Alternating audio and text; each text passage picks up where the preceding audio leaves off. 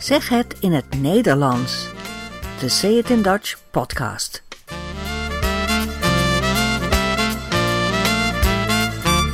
Nummer 42. In deze aflevering praten we over boeken lezen en over Karel de Grote, die de eerste scholen oprichtte. We praten over leren lezen en over kinderboeken, Brave Hendrik, Dick Trom, Pietje Bel, Kruistocht in Spijkerbroek en het Pungelhuis. Het mediafragment gaat over een stukje geschiedenis in de jaren 50, botersmokkel.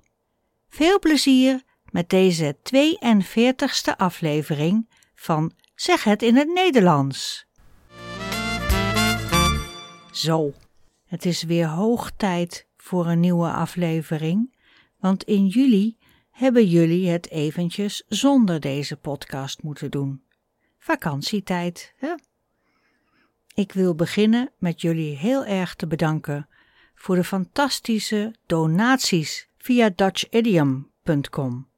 Het is geweldig dat deze podcast zo gewaardeerd wordt. Je kunt ons ook steunen door de downloads van de transcripts te bestellen, los per aflevering of per tien afleveringen tegelijk. Nog niet zo lang geleden heb ik het pakketje van aflevering 30 tot en met 40 online gezet. Je kunt dit pakketje en ook de vorige pakketjes als download bestellen via dutchidiom.com. Ik ben bijzonder blij met jullie steun. Hartelijk bedankt. De zomer is altijd een fijne tijd om te lezen. Op het strand onder een parasolletje, of thuis in een luie stoel, of op je balkon in de tuin. En er zijn zoveel boeken in de wereld.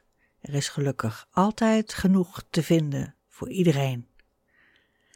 Mensen hebben altijd al verhalen aan elkaar verteld, legendes, fabels, sprookjes, mythen en sagen, en ook verhalen uit de Bijbel.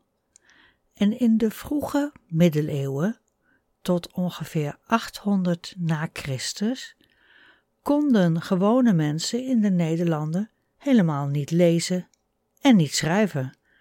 Alleen priesters en monniken in de kloosters konden dat.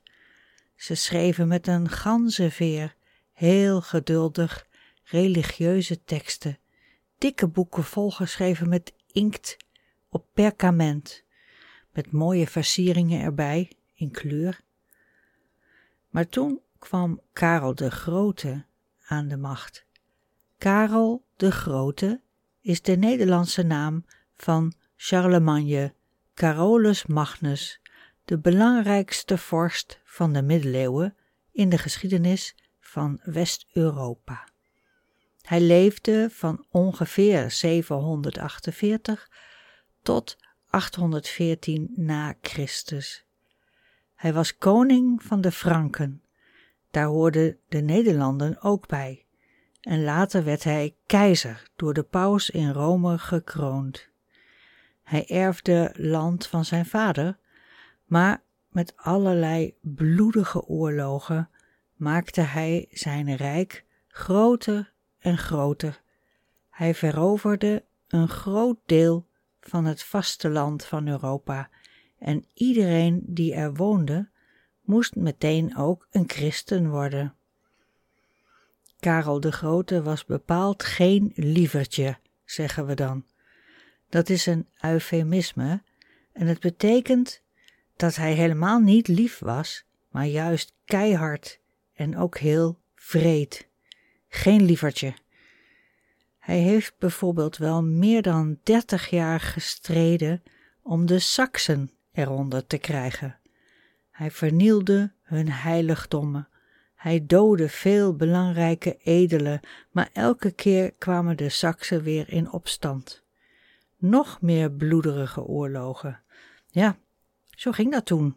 Het Karolingische Rijk werd op deze manier wel twee keer zo groot.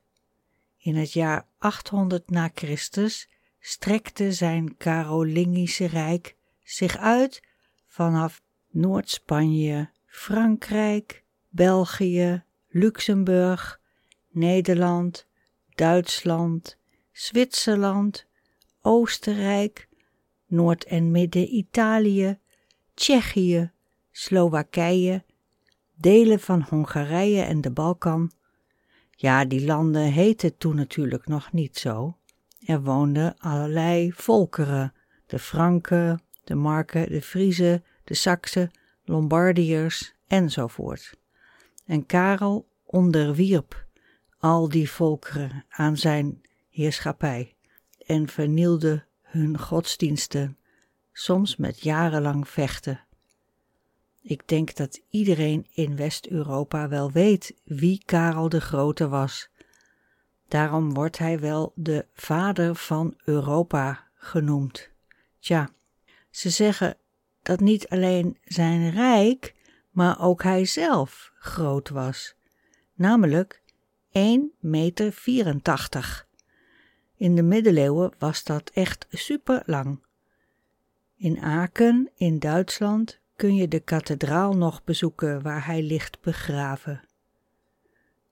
Over Karel zijn veel legendes verspreid. Een van de legendes is opgeschreven in een ridderroman in de Nederlandse taal in 1270. Het verhaal is als een gedicht geschreven en gaat over Karel de Grote, titel Karel en de Elegast. Karel en Elegast. Het verhaal is waarschijnlijk een bewerking van een Franstalige legende, maar we hebben alleen nog deze Nederlandse versie. Nou ja, Nederlands. Het is Middel-Nederlands, de taal van de middeleeuwen en niet zo makkelijk te lezen. Als je meer over dit boekje wilt horen, gebruik dan de link naar een andere podcast van een collega van mij. Die link vind je in de show notes op dutchidiom.com. Maar goed, waarom ik over Karel de Grote begin, is wat hij in dat grote rijk probeerde te doen. Hij wou er een eenheid van maken. Eén groot Carolingisch rijk. En daarvoor maakte hij wetten en regels. En iedereen in het Carolingische rijk moest die wetten volgen, anders kreeg je straf of moest je dood. Wat hij bijvoorbeeld deed, is een onderwijswet schrijven. Een wet over educatie. En daarin stond dat elk klooster een school moest hebben. Veel kloosters hadden al een soort schooltje voor nieuwe monniken, maar Karel de Grote zei dat er ook andere mensen, jongens vanaf zes jaar, moesten leren lezen en schrijven. Hij gaf monniken de opdracht om eerst een makkelijkere letter te maken. Een letter die makkelijk leesbaar was voor iedereen, beter dan het rare gekrabbel van de monniken op het perkament tot dan toe.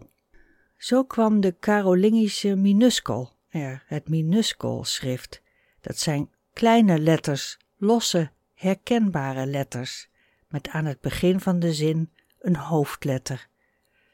Dit werd vanaf het eind van de negende eeuw tot 1300 het standaard lettertype voor alle boeken in Europa.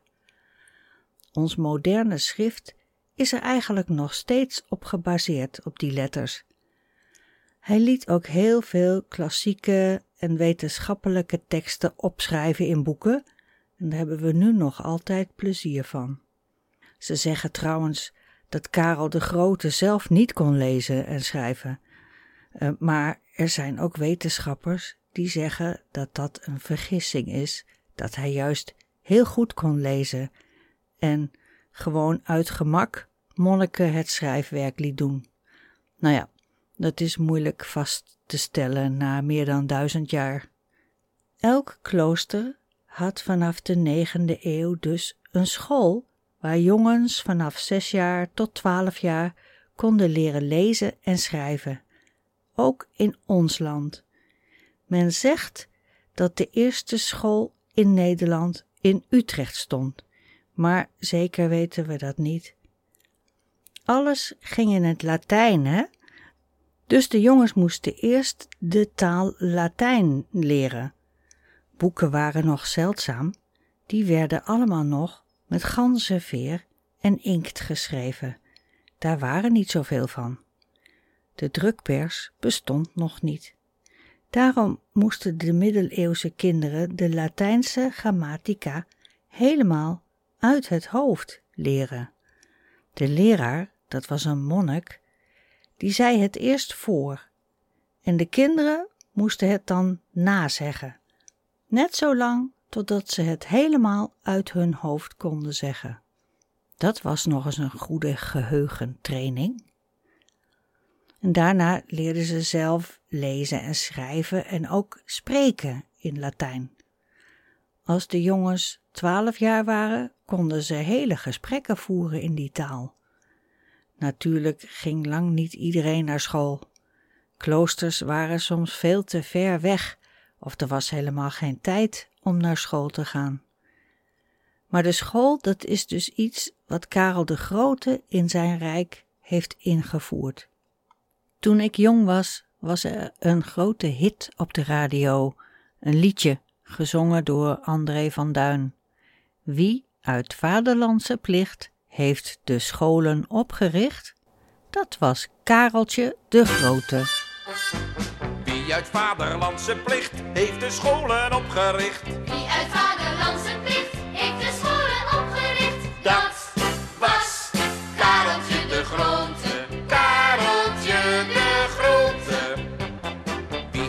ons op zijn gezag eens per week een vrije dag? Wie gaf ons op zijn gezag eens per week een vrije dag? Dat was Kareltje de Grote. Kareltje de Grote.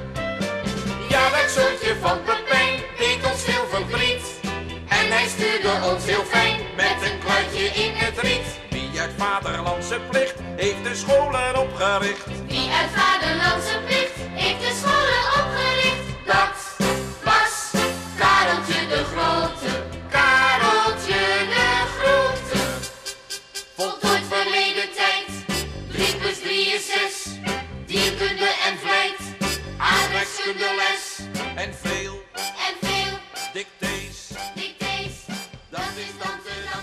denk dat het heel belangrijk is dat kinderen goed leren lezen. Je kunt veel YouTube-filmpjes kijken en podcast luisteren en zo.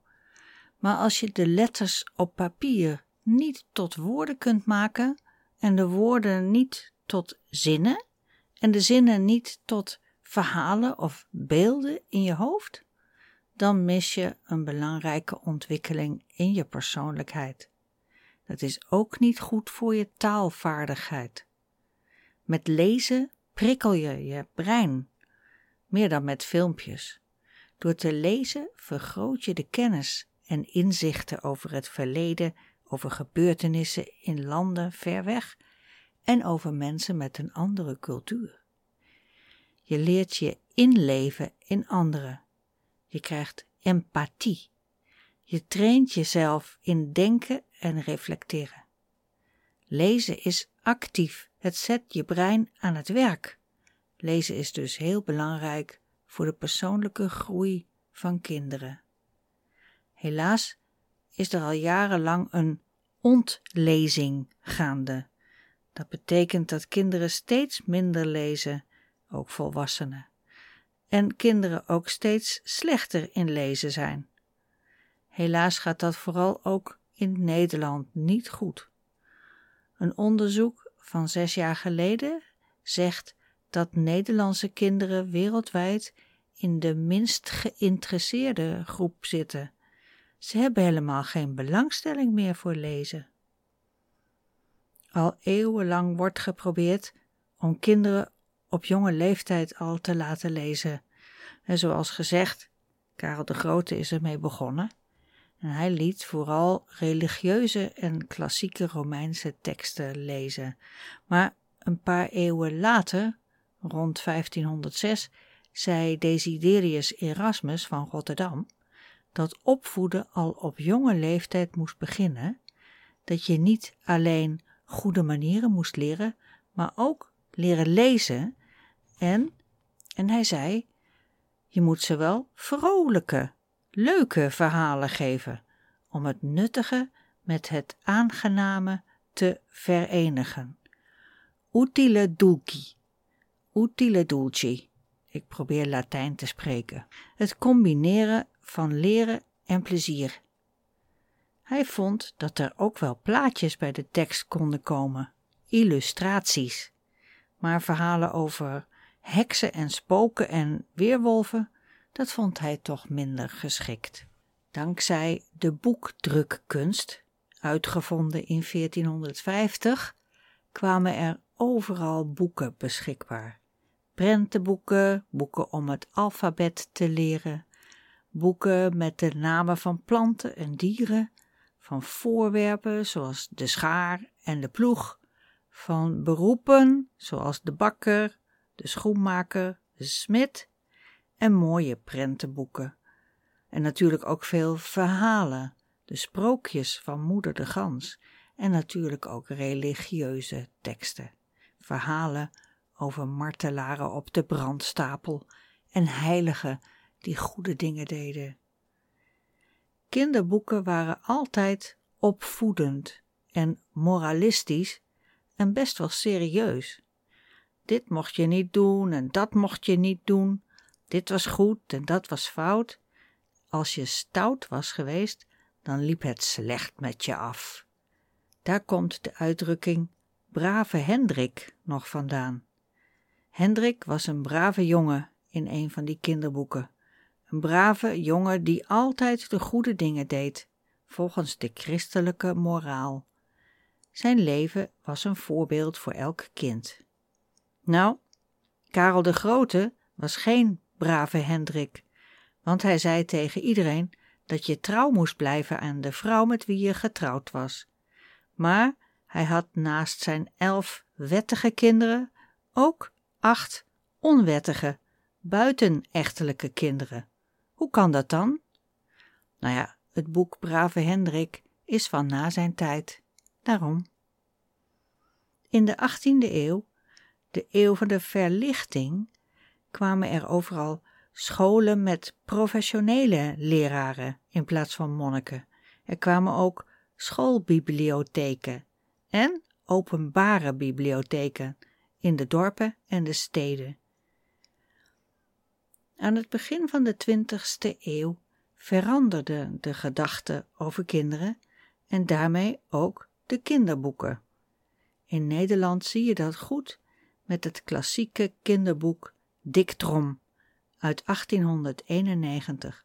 Nog altijd populair, nog altijd gelezen en heel vaak verfilmd. De schrijver is C.J. Kivit. Dick Trom was een personage in zijn boeken. Een typisch Hollands jongetje, geen brave Hendrik. Nee, hij haalde allemaal streken uit. Hij was ondeugend, hij deed stoute dingen, maar in zijn hart was hij goed en hij deed ook veel goeds. Ik moest aan Dick Trom denken toen ik in een vorige podcast over pannenkoeken en poffertjes sprak. Want Dick Trom houdt ook van lekker eten hoor. De verhalen zijn grappig en niet zo moralistisch. Ga je zo ver mee, Anneke? vroeg Dick aan een meisje dat een paar passen achter hem aankwam. Ja, ik ga mee, was het antwoord. Anneke woonde drie huizen verder dan Dick en zij waren samen al vriendjes geweest zolang het hun heugen kon. Dick wist nog best hoe hij de eerste keer bij Anneke op visite was geweest. Anneke werd op die dag vier jaar en zij had om dat feest met hem te vieren van haar moeder verlof gekregen Dick op poffertjes te nodigen. Dick was er verrukt over geweest, want hij hield veel van eten en vooral poffertjes lustte hij heel graag. Hij kon er dan ook een reusachtige hoeveelheid van verslinden. Je ziet Dick Trom vaak afgebeeld als jongetje met klompen, zittend op de rug van een ezel. Niet als ruiter, maar achterstevoren, met zijn gezicht naar de staart van de ezel. Hij houdt de staart vast om niet te vallen. Er is een beeldje van hem in Hoofddorp in Noord-Holland, waar de schrijver Kievit is geboren. Het plein van het beeldje heet ook Dik Tromplein. Het schooltje waar Kievit les gaf, toen hij Dik Trom bedacht, is inmiddels een kinderboekenmuseum. Het staat in Oosthuizen in Noord-Holland en heet Het Schooltje van Dick Trom. Oh, en er is natuurlijk ook een keer een musical over Dick Trom gemaakt, hè? Pietje Bel is ook een stout personage. Hij haalt allemaal grappen uit met volwassen mensen. De boeken van Pietje Bel zijn geschreven door Chris Abkoude in de jaren 1914-1936. In ons moderne taalgebruik zeggen we ook wel eens dat iemand een Pietje Bel is. De Pietje Bel van de politiek, bijvoorbeeld. Dat is dus een stouterik met veel moed, maar in zijn hartje is hij een goede jongen. Dick Trom, Pietje Bel, in heel Europa komt er een ander soort kinderboeken. Jeugdliteratuur wordt een echt genre. Het wordt een eer om kinderboeken te schrijven. En er komen ook mooie prijzen voor het beste kinderboek van het jaar. De Gouden Griffel is in Nederland zo'n prijs. De 20ste eeuw noemen we in Europa wel de eeuw van het kind. Er kwam meer zorg voor kinderen en de kinderarbeid werd gestopt. Daar vertelde ik in aflevering 36 al over. En er werd veel geschreven over hoe je kinderen het beste kon opvoeden en wat ze wel en niet moesten lezen. Dat zag je overal in Europa. Er kwamen speciale leesboeken per leeftijd. In Nederland was de jeugdliteratuur in de eerste helft van de 20ste eeuw natuurlijk per zuil verschillend. Ik heb over de verzuiling, de tijd van de verzuiling, verteld in podcast nummer 38. Nederland bestond toen uit aparte groepen, naast elkaar: katholiek, protestant, socialistisch, liberaal. En elke zuil had zijn eigen scholen en ook zijn eigen literatuur voor kinderen en volwassenen. En er kwamen boeken met daarin ook sociale problemen, zoals Afkes Tiental, geschreven door Nienke van Hichtem. Een echt klassiek kinderboek over een gezin met tien kinderen in Friesland, die heel erg arm maar vol liefde zijn voor elkaar. Er kwamen ook veel vertalingen van Franse en Engelse en Duitse boeken in Nederland, natuurlijk, maar in de Tweede Wereldoorlog, tijdens de Duitse bezetting, waren veel boeken verboden. Alle boeken van Joodse schrijvers moesten verdwijnen, er was censuur en er was ook te weinig papier om boeken te drukken. Maar na 1945 verschenen er heel veel kinderboeken over de tijd van de oorlog en de bezetting. Spannende boeken. In de moderne jeugdboeken is de hoofdpersoon vaak heel zelfstandig en kritisch. En hij of zij schopt tegen heilige huisjes aan. Een heilig huisje, dat is een taboe. Ze maken soms het volwassen leven belachelijk. Denk maar eens aan Pippi Langkous, zoals de Nederlandse naam van dat vrolijke roodharige Zweedse meisje is. Pippi Langkous, iedereen kent haar. Ik kan eindeloos doorgaan over jeugdliteratuur, maar laat ik dat maar niet doen. Maar één bepaald genre wil ik graag noemen: de historische jeugdroman. Spannende verhalen die je tegelijk ook iets leren over de geschiedenis van Nederland. Een klassieker uit de jaren zeventig die nog altijd enorm populair is: Kruistocht in Spijkerbroek. Er is zelfs een literaire prijs voor historische jeugdromans, genoemd naar de schrijfster van Kruistocht in Spijkerbroek, de schrijfster Thea Beckman. De titel is geweldig. Het gaat over een jongen van vijftien die vanuit de 20ste eeuw met een tijdmachine in de middeleeuwen terechtkomt. Midden in een kinderkruistocht in Europa naar Jeruzalem in de 12e eeuw. Het boek is wel eens verfilmd, maar dat vond ik echt een mislukking. Het boek is leuk voor jongeren, maar ook voor volwassenen. En ik heb vorige maand een andere historische jeugdroman gelezen, Het Pungelhuis van Annette Huizing, vorig jaar uitgekomen. Het is een spannend verhaal in het heden en tegelijkertijd gaat het ook over een stukje verleden. De botersmokkel tussen Nederland en België in de jaren 50 en 60 van de vorige eeuw. Ik kende dat stukje geschiedenis eigenlijk niet, dus ik heb er ook nog veel van geleerd. Hoofdpersoon is een jongen van 13, maar ook zijn vader en vooral zijn opa spelen een belangrijke rol. Het boek is genomineerd voor een prijs. Laat ik maar zeggen dat het een dikke aanrader is. Kunt u dat herhalen? Kunt u dat herhalen? Kunt u dat herhalen? In deze rubriek laat ik iets horen wat op de radio of op de televisie is geweest. En daarna kunnen we erover praten. Het mediafragment is deze keer iets langer dan normaal. Het gaat over een stukje recente geschiedenis dat in het jeugdboek Het Pungelhuis is verwerkt. Het fragment komt uit een televisieprogramma over die gebeurtenissen in de jaren na de oorlog bij de grens tussen Nederland en België. Het gaat over smokkel, botersmokkel. Smokkel. In de jaren 50 en 60 sjouwden vrije jongens uit ons land diep in de nacht miljoenen kilo's boter over de Belgische grens, omdat de prijs in Vlaanderen zoveel hoger lag. In de jaren 50 en 60 sjouwden vrije jongens over de grens. Sjouwen, dat is lopen met zware dingen op je rug of in je armen, grote zakken vol zand of stenen, of smokkelwaar. En hier kilo's boter. Vrije jongens, dat zijn mannen die vrij zijn. Ze werken niet in loondienst, maar zelfstandig om geld te verdienen. Zij sjouwden boten over de Belgische grens. Maar waarom boter? De presentator legt het uit. Boter, het vette goud. Het was in België dubbel zo duur als bij ons.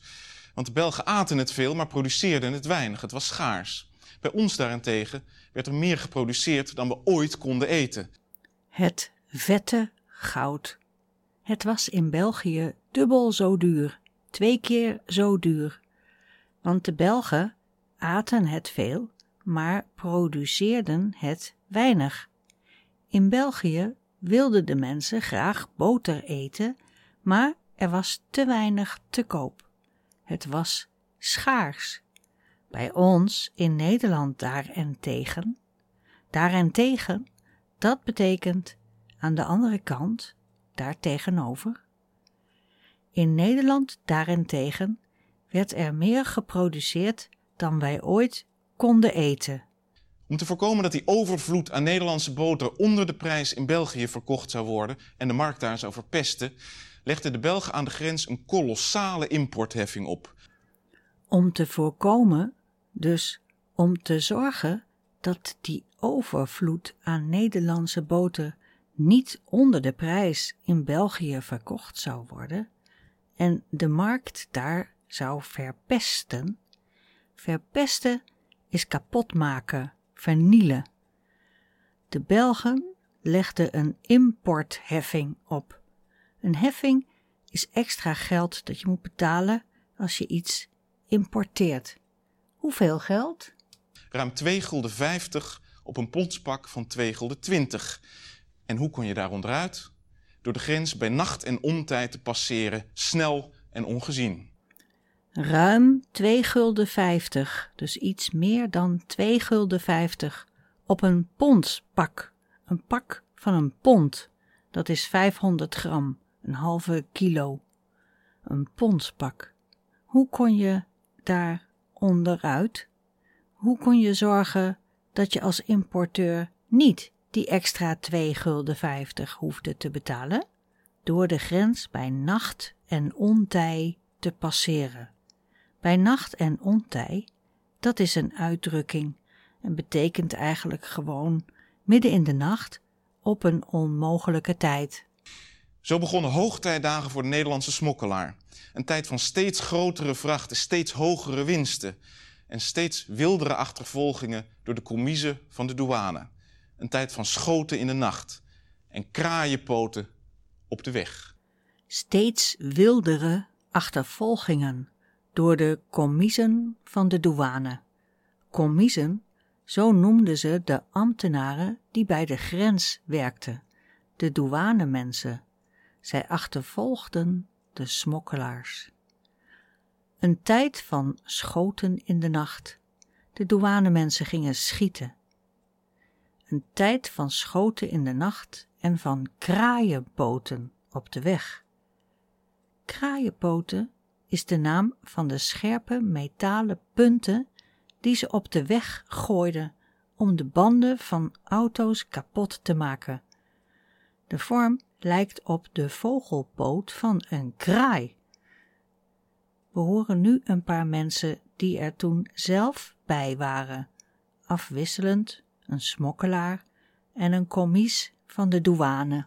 Ik ben begonnen, ik werkte op de visserkantoor, de grensvisserkantoren.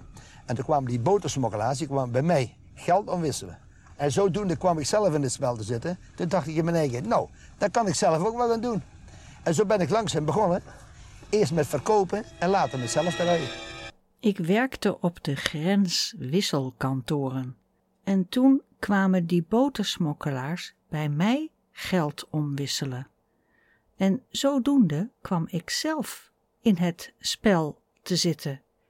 En ik dacht, dat kan ik zelf ook wel gaan doen. En zo ben ik langzaam begonnen. Eerst met verkopen en later met zelf te rijden. Die kraaienpoten gooiden ze uit de, uit de auto. En je had dus, je had dus een... We hebben ooit een auto gehad en die had een buis gemonteerd van, van voor naar achter.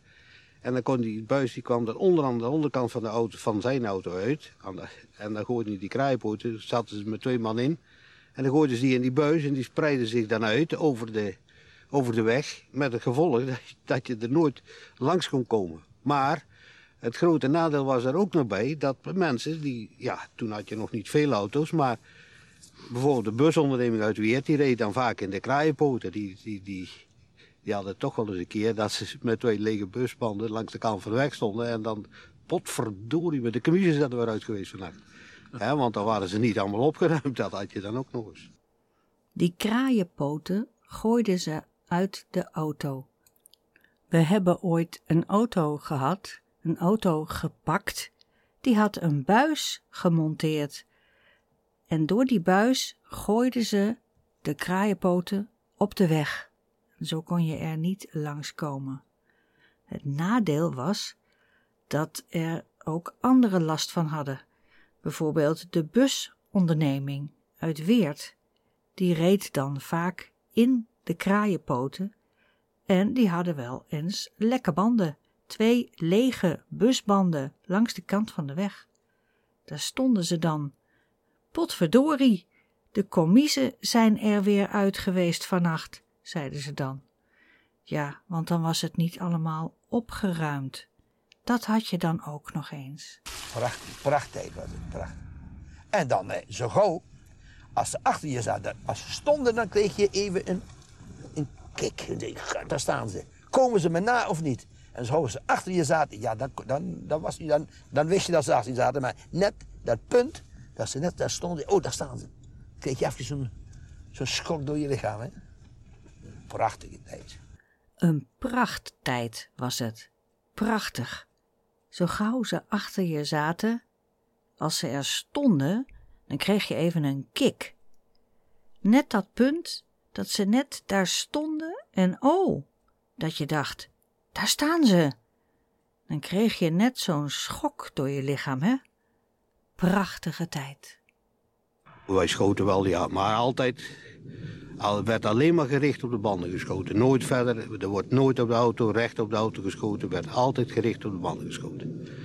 Ik, zover dat ik weet, in eh, al die jaren dat werken de botersmokkel bestaan heeft, kan ik, moet ik zeggen van één of twee keer dat mensen dus echt geraakt zijn. Hè? Ja, dat is Veer, veer verder, nee. Nee, kan ik me niet, eh, niet herinneren dat mensen dus eh, geraakt zijn door, door een douanekogel of een verdwaalde douanekogel.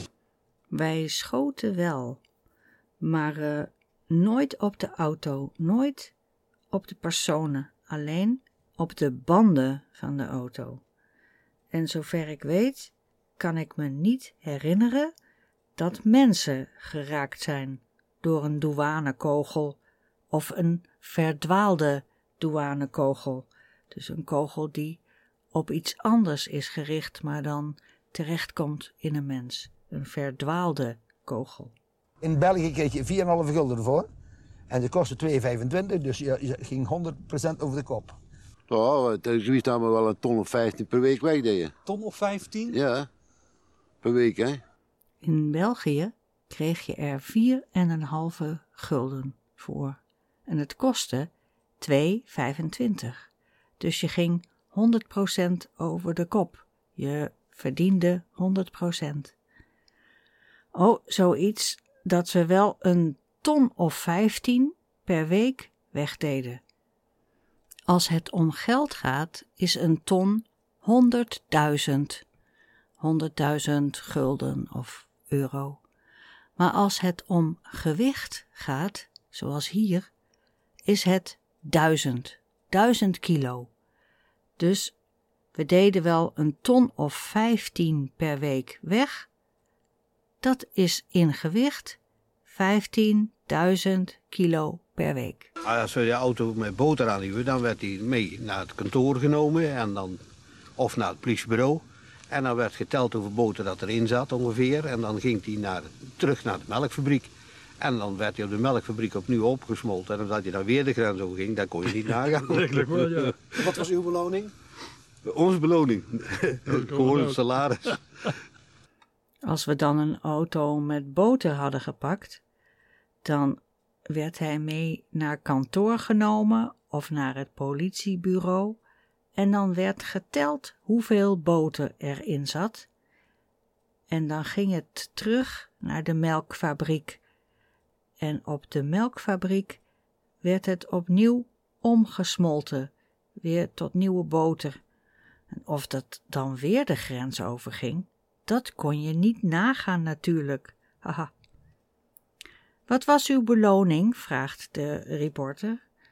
Onze beloning? Gewoon salaris. Zijn smokkelaars criminelen? Nee, die vallen helemaal niet onder. Nee, dat zijn mensen die wel een paar centen verdienen. Zijn er die wat meer verdienen. Maar je moet ze niet met drugshandelaars of zoiets. Nee, dat is helemaal crimineel. Niks, vak, niks mee te maken. Nee, ik vind het uh, gewoon joviale mensen. Het is geen mis, een botersmokkel was geen misdrijf. Dat is het, het grote verschil tussen een misdrijf en een economisch delict. En daarvoor is het een, is het een spel. Zijn smokkelaars criminelen? Nee, zeggen de commiezen van de douane. Je kan ze niet vergelijken met drugshandelaren of zo. Ze zijn niet crimineel. Dat is ook omdat botersmokkel geen misdrijf was.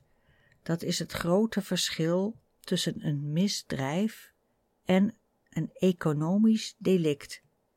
En daarom is het een spel, een kat-en-muisspel. De sfeer verhardde, er ging te veel geld om en er vielen doden. Wie geen echte zware jongen was, die haakte af. Daar kwam bij, punt 2, dat ook de winstmarges langzaamaan terugliepen door toedoen van de Belgische en Nederlandse overheden. Binnen de Europese gemeenschap werden sinds 1957 afspraken gemaakt om onderling, zoals dat heette, het vrije handelsverkeer te bevorderen. Importheffingen, zoals die Belgische op boter, moesten worden teruggeschroefd en afgeschaft om de prijzen in de EEG te harmoniseren. En daarmee viel voor de smokkelaars in korte tijd pardoes de winst weg. Maar de sfeer verhardde. Er ging veel geld om, er vielen doden En wie geen echte zware jongen was, dat is toch wel een crimineel, die haakte af, die stopte ermee. En het tweede punt is dat ook geen winst meer werd gemaakt. Er kwamen afspraken binnen de Europese gemeenschap. Er was geen importheffing meer en toen was het niet meer interessant. Zo kwam een einde aan dit spannende verhaal. Er werd nog een liedje gemaakt door Johnny Hoes, een bekende Nederlandse volkszanger, die met een kameraad als de twee Jantjes optrad.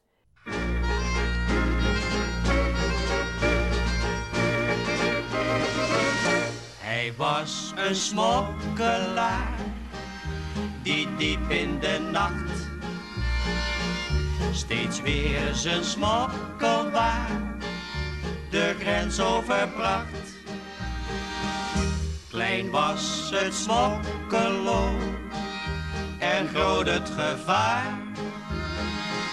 Zo is het leven van een smokkelaar. Ik denk dat jullie met deze informatie geen problemen zullen hebben om het leuke jeugdboek Het Pungelhuis van Annette Huizing te begrijpen. Veel leesplezier! We zijn aan het einde gekomen van deze aflevering. Hartelijk bedankt voor het luisteren. Lees meer, doneer, reageer en abonneer je op www.dutchidiom.com. Tot ziens!